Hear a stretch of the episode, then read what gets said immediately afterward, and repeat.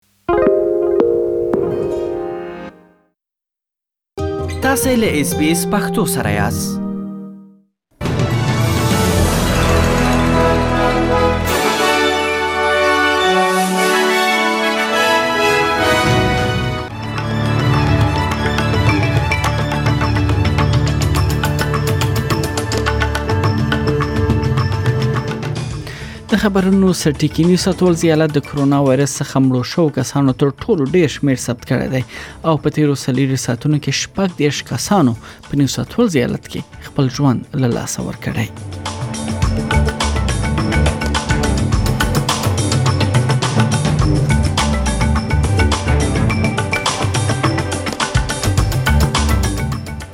بل خو اصلیا کې د ځینو ایالتونو روغتیا مشرانو ویلي دي چې کېدای شي د نوو پیښو او هم مړینې لوړې کچې ته رسیدلی اوسي ول بیا بل خو روغتا روغتیا پوهان وایي چې دا خبرې سم نه دي او یا د معلومات چې د روغتیا مشرانو لخوا وړاندې کیږي دا سم نه دي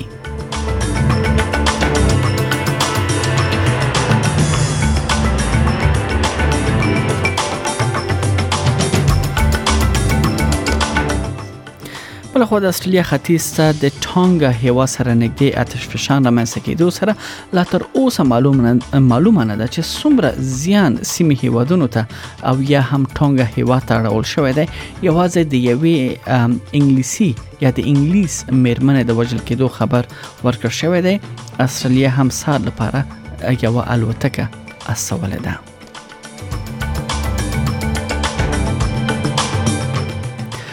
او د افغانستان په لویدیځ کې د زلزلې لامل 22 تنه مړ شوې دي او د ډیرو یعنی کورونو جاړېدو خبر هم ورکړ شوی دی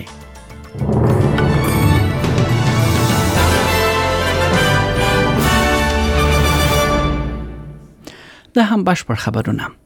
نیو ساوت ولز ایالت د کرونا وایرس څخه مړو شوو کسانو تر ټولو ډیر شمیر ثبت کړی دی دا لومړی ځل دی چې د یادې وبا له پیل څخه په دومره ډیر شمیر کسان د استرالیا په یو ایالت کې مړ کیږي یوازې په تیرو څلور ساعتونو کې شپږ دیش کسانو کرونا وایرس لامل خپل ژوند له لاسه ورکړی دی چې لدې څخه یعنی تر اوسه په یاد ایالت کې چې نیو ساوت ولز ایالت دی 921 کسان یعنی دوی خپل ژوندونه لاسه ورکړي دي سره له دې چې د نوو پیښو او هم مړینې شمیر ډیر تر سترګو کیږي ولې ایالتي حکومت دې ته چمتو نه دی ترڅو یو ځل بیا بندیزونه ولګوي د نیو ساوث ولز ایالت مشر ډومینیک پروټټ وایي چې اقتصادي اړخ بیرته په پښو درېدلو لپاره باید هر څه پرانیستي پاتې شي بل خو روان میاشت 28 نیټه باندې ماشومان به نورمال حالت سره بیرته خوانځیو ته ستانه شي We are determined to make it as smooth as possible. Now that will mean at times teachers who are positive will have to isolate. It will mean at times that kids who are positive will need to isolate. But that is a better issue to be dealing with than having our schools closed. We need kids back in the classroom. Uh, it's best for them Uh, it's best for uh, their educational outcomes, their mental health, and their social outcomes, بله خوا نیو ساوت ویلز ایالت په تیرو څلیری ساعتونو کې د کرونا وایرس 9800 نوې پیښې ثبت کړې دي چې پکې 12903 پیته یې د چټک ماینه یا انټیجن ټیسټ یا کور کماینه پایلې ثبت شوې دي ویکټوریا ایالت کې د کرونا وایرس لامل د ډیر شمیر کسانو روغتون کې بستر کېدو سره روغتیا سیستم لستر فشار سره مخ دی د یاد ایالت د وبا دوران کې د روغتیا یو قانون ماده چې د براون ماده یادېږي فعال شوې ده او دا په دې معنی چې روغتونو کې غیر ضروري کسانو درملنه نه کیږي او هم د روغتیا کسانو رخصتۍ باندې تګ لغوه کیږي او ټول به بیړني حالت سره کار ته مخه کوي کوډ براون د بیرنی حالت یو برخه ده چې ډیرو سختو حالتونو کې فعال کیږي دا به راتلونکي چهارشنبه څخه پیل کیږي او دوه اونیو لپاره به دوام وکړي د وکټوریا یاله سرپرست مشر جیمز مرلینو وایي روغتونونه له اوسه پور یا تر اوسه پورې د کرونا وایرس پیښو تر ټولو ډیره کچه نه تجربه کړې نو ځکه اوس خو وخت دی چې بیرنی حالت اعلان شي Hospitalisations lag a few weeks behind the peak of the numbers. uh, and then ICU follows on from that. So if we see what we've been seeing in New South Wales of 100 a day, uh, we could well get to over 2,500 hospitalisations and more uh, over the next few weeks. So now is the right time to implement this plan, now is the right time uh, to act. ویکټوریا ایالت کې یعنی تیرو سلیری ساتونو کې 22 زره او بخې 22 کسانو خپل ژوند له لاسه ورکړی دی او بیا بل خو شل زره او یو سلو اتیا کسان په کرونا وایرس باندې اخته شوی دی استرالیا کې د ځینو ایالتونو روغتیا مشرانو ویلي دي چې کېدای شي د نوو پیښو او هم مړینې لوړه کچه ته رسیدلې اوسي معنا دا چې لدې وروسته به د پیښو او مړینې کچه کې کمای تر سرګو کیږي ول بیا د روغتیا په هان وایي چې روغتونونو کې یعنې د بستر شوو کسانو شمیر او هم مړینې ته وکتل شي نو داسې نه بریښي چې د پیښو او یا مړینې لوړې کچې ته رسیدلی اوسو د استرالیا ملي پانتون څخه سانجیا یا سیننانک وایي چې هغه شمیرې چې د ایالتونو د روغتیا مشران یې شریکوي هغه اصل کې سم نه دي په دې معنی چې د ستونزې سم انزور نه وړاندې کیږي Reason being that the numbers that the chief health officers are telling us every day about their state or territory uh, are likely to be uh, very inaccurate because there's just so much Omicron out there and there's a lot of asymptomatic Omicron out there. So we really don't know what those numbers mean. But we do know that there is a delay from a case to a hospitalization by two or three weeks normally. Because of the delays in testing, that uh, interval is going to be shorter, but hospitalizations will tell us when we've actually reach the peak in mm. society. د کووید 19 روسي خبر له کوینزلند څخه دی چیرې چې 15922 کسان په کرونا وایرس اخته شوې دي او 14 کسانو بیا خپل ژوند له لاسه ورکړی دی بل خو حکومت اعلان کړی دی چې د کرونا وایرس چټک معنی یا انټیجن ټیسټ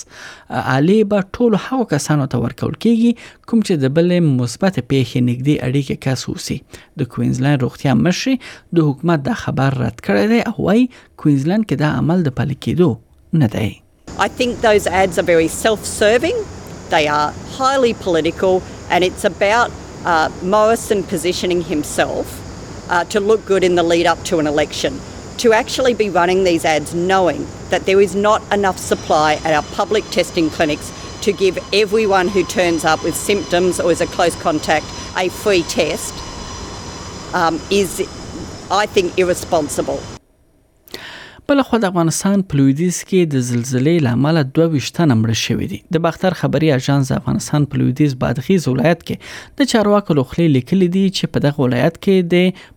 پرونۍ زلزلې له امله د مړو شمیر 22 تنه ته لوړ شوی دی او څلور تنه نور ټپیان شوی دي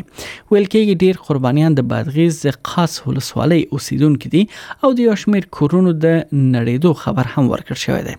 بل خو د سیمې یا د سیمې یزو رسنیو د راپورونو لمخې په زلزلې کې لګ ته لګ 12 کسان وژل شوی دي د امریکا د جیولوژي سروې ادارې ویل دي زلزلې د افغانستان لویدیځ کې د بادغیس ولایت مرکز قلعه نو په یو څلوېښت کیلومترۍ کې شوې ده زلزله د ریکټر په کچه 15.3 درجه ریکارډ شوې ده د بي سي پښتو ویب پاڼه لمخه د استرالیا ختیځ ټانګا هیوا سره نږدې آتش فشان رامنځته کېدو سره لا تر اوسه معلومه نه ده چې څومره زیان سیمه هیوادونو ته او په ځانګړي ډول ټانګا هیوا ته وخته دی ټانګا سره نږدې په سمندر کې آتش فشان چاودنې سره د نړۍ سمندر غاړو ته ستر سمندري سپو لېږلو خطر ډیر شوی دی او استرالیا هم د سونامي خبرتیا خپل ختیځې برخه ته چې نیو ساوت ویلز کوینزلند وکټوریا او تاسمانیا پکې شامل دي اعلان کړی ده له چاودنې سره د یعنی د ایرو څخه ډکې وریزې تر یعنی تر شل کیلومتر اسمان ته لوړ شوې او هم ډیرو هیوادونو کې د سونامي راتلو خطر یعنی خبر شوې ده یاد هیواد کې د برېښنا او انټرنیټ خدمات تړل شوې دي او هم د ټانګا نړیوال یا د ټانګا نړیوال هوایي ډګر تړل شوې ده تر اوسه په ټانګه کې د اوښتو زیانونو په اړه خبر نه دی ورکړ شوی استرالیا نیوزیلند او ځینې نورو هیوادونو بیا سارونکي الوتکې سیمه ته استولې دي یوازې تر اوسه د یوې انګلیسي خزې د مړینې خبر ورکړ شوی دی کوم چې د سونامي سپو یې کور ډوب کړی دی او نوموړی په ټانګه هیواد کې خپل ژوند له لاسه ورکړی دی یاده مېرمن انجلا ګلور نومېده ورور یې نوموړی مړین په اړه داس وایل She started her charity in, in Tonga. You know, it was to help the stray dog that they have there. And the strange thing was, was the uglier the dog, the more she loved it. بلخوا یو خبر دا هم ورکول کیږي چې ملګری ملتونه وایي طالبان د افغان خزو پر ضد جنسیتي تبعیض ته سیستماتیک بڼه ورکوي د ملګرو ملتونو بشري حقوقو کمیسیون وایي افغانستان کې د طالبانو مشران د خزو او انجونو پر ضد تاوتریخوالی او د جنسیت پر بنسټ ولاړ تبعیض تنظیموي په ویلامیا کې ملګرو ملتونو ویلي دي طالبانو تګلاره خزو او انجونو ته یو ډول ډلېزه سزا رامنځته کوي بلخوا د ملګرو ملتونو په وینا کار او زده کړو یعنی د خزو ایستلو ستراتیژي کې افغان خزه د فقر او بیوزلۍ په لور بیایي په اعلامیه کې راغلي دي دغه تبعیض پالیسی کار ته د خزو ستنېدو مخنیوي کوي په عام حاضر کې له خزو سره د نارینه او محرم شتون لازمی کولو له یوازې سفر کولو او یا هم په عامه ترانسپورت کې د دې سفر مخنیوي او دغه راز د کالو په برخه کې د ځنګړو بندیزونو لاره دغه سیستماتیکه یعنی پالیسی رامنځته کیږي او یا پلي کیږي د اعلامیې په ټکو دغه پالیسی پر خزو د فعالیت بیان او هم سیاسي چارو کې د ګډون بندیزونو ترڅنګ د ژوند لپاره د دوی پر کار وړتیا او هم اغیز کوي او د بیوزلۍ مخته بیایي بلخوا نوواک جوکوویچ نړۍ کې د ټنس اتل استرالیا ته راتګ سره هوایي ډګر کې ویزه لغوه او بیرته له استرالیا څخه وویسل شو نو موري یو له هغو کسانو څخه دی چې د کرونا وایرس لپاره واکسین نه کوي او د هغې خلاف دی د استرالیا ملبون ښار کې د ټنس لوب اتلولي یعنی د استرالیا ملبون ښار د ټنس لوبو اتلولي کوربه دی او نوواک لوبو کې ګډون لپاره استرالیا ویزه ترلاسه کړې و ول ملبون هوایي ډګر ته رسیدو سره ویزه لغوه شو چې بیا نوموړي محکمې کې دا پریکړه وننګوله محکمې لومړی یعنی په لومړی وختو کې هغه ته برای ورکړ ولې بیا کله چې د استرالیا مهاجرت وزیر پر خپل واک سره زینو دلایل لوجه د نوموړي ویزه یو ځل بیا لغوه کړه بیا محکمې دویم ځل لپاره د مهاجرت وزیر خبر تایید کړ او نوواک جوکویچ یې له استرالیا څخه بهر کړ له استرالیا څخه وروسته فرانسه کې د ټنس یو ستر ټورنمنت پر مخ اچول کیږي او د یاد ټورنمنت قانون دا دی چې که څوک واکسین شوی نه اوسي نو میدان ته راتلای نشي او نه هم لوبه کولای شي اوس د ټنس اتل راتلونکي شک کې دی یعنی چې آیا نوموړی به وشي کولای له دې وروسته ټنس اتلولیو کې برخه واخلي او کنه فرانسوي سیاستوال وایي یا یو فرانسوي سیاستوال وایي چې نوې قانون په ټولو پلي کیږي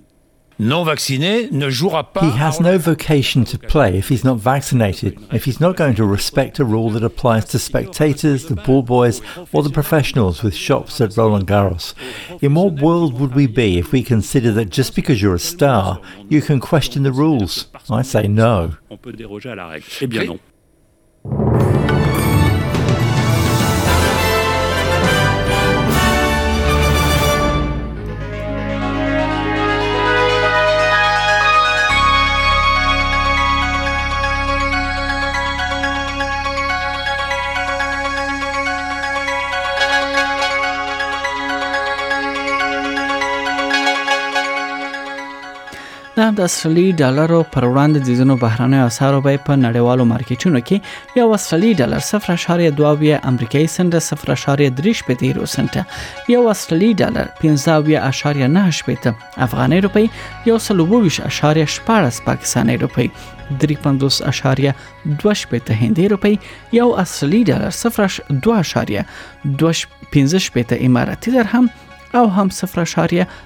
دوه پنځوس انګلیسي پنسه ارزښت لري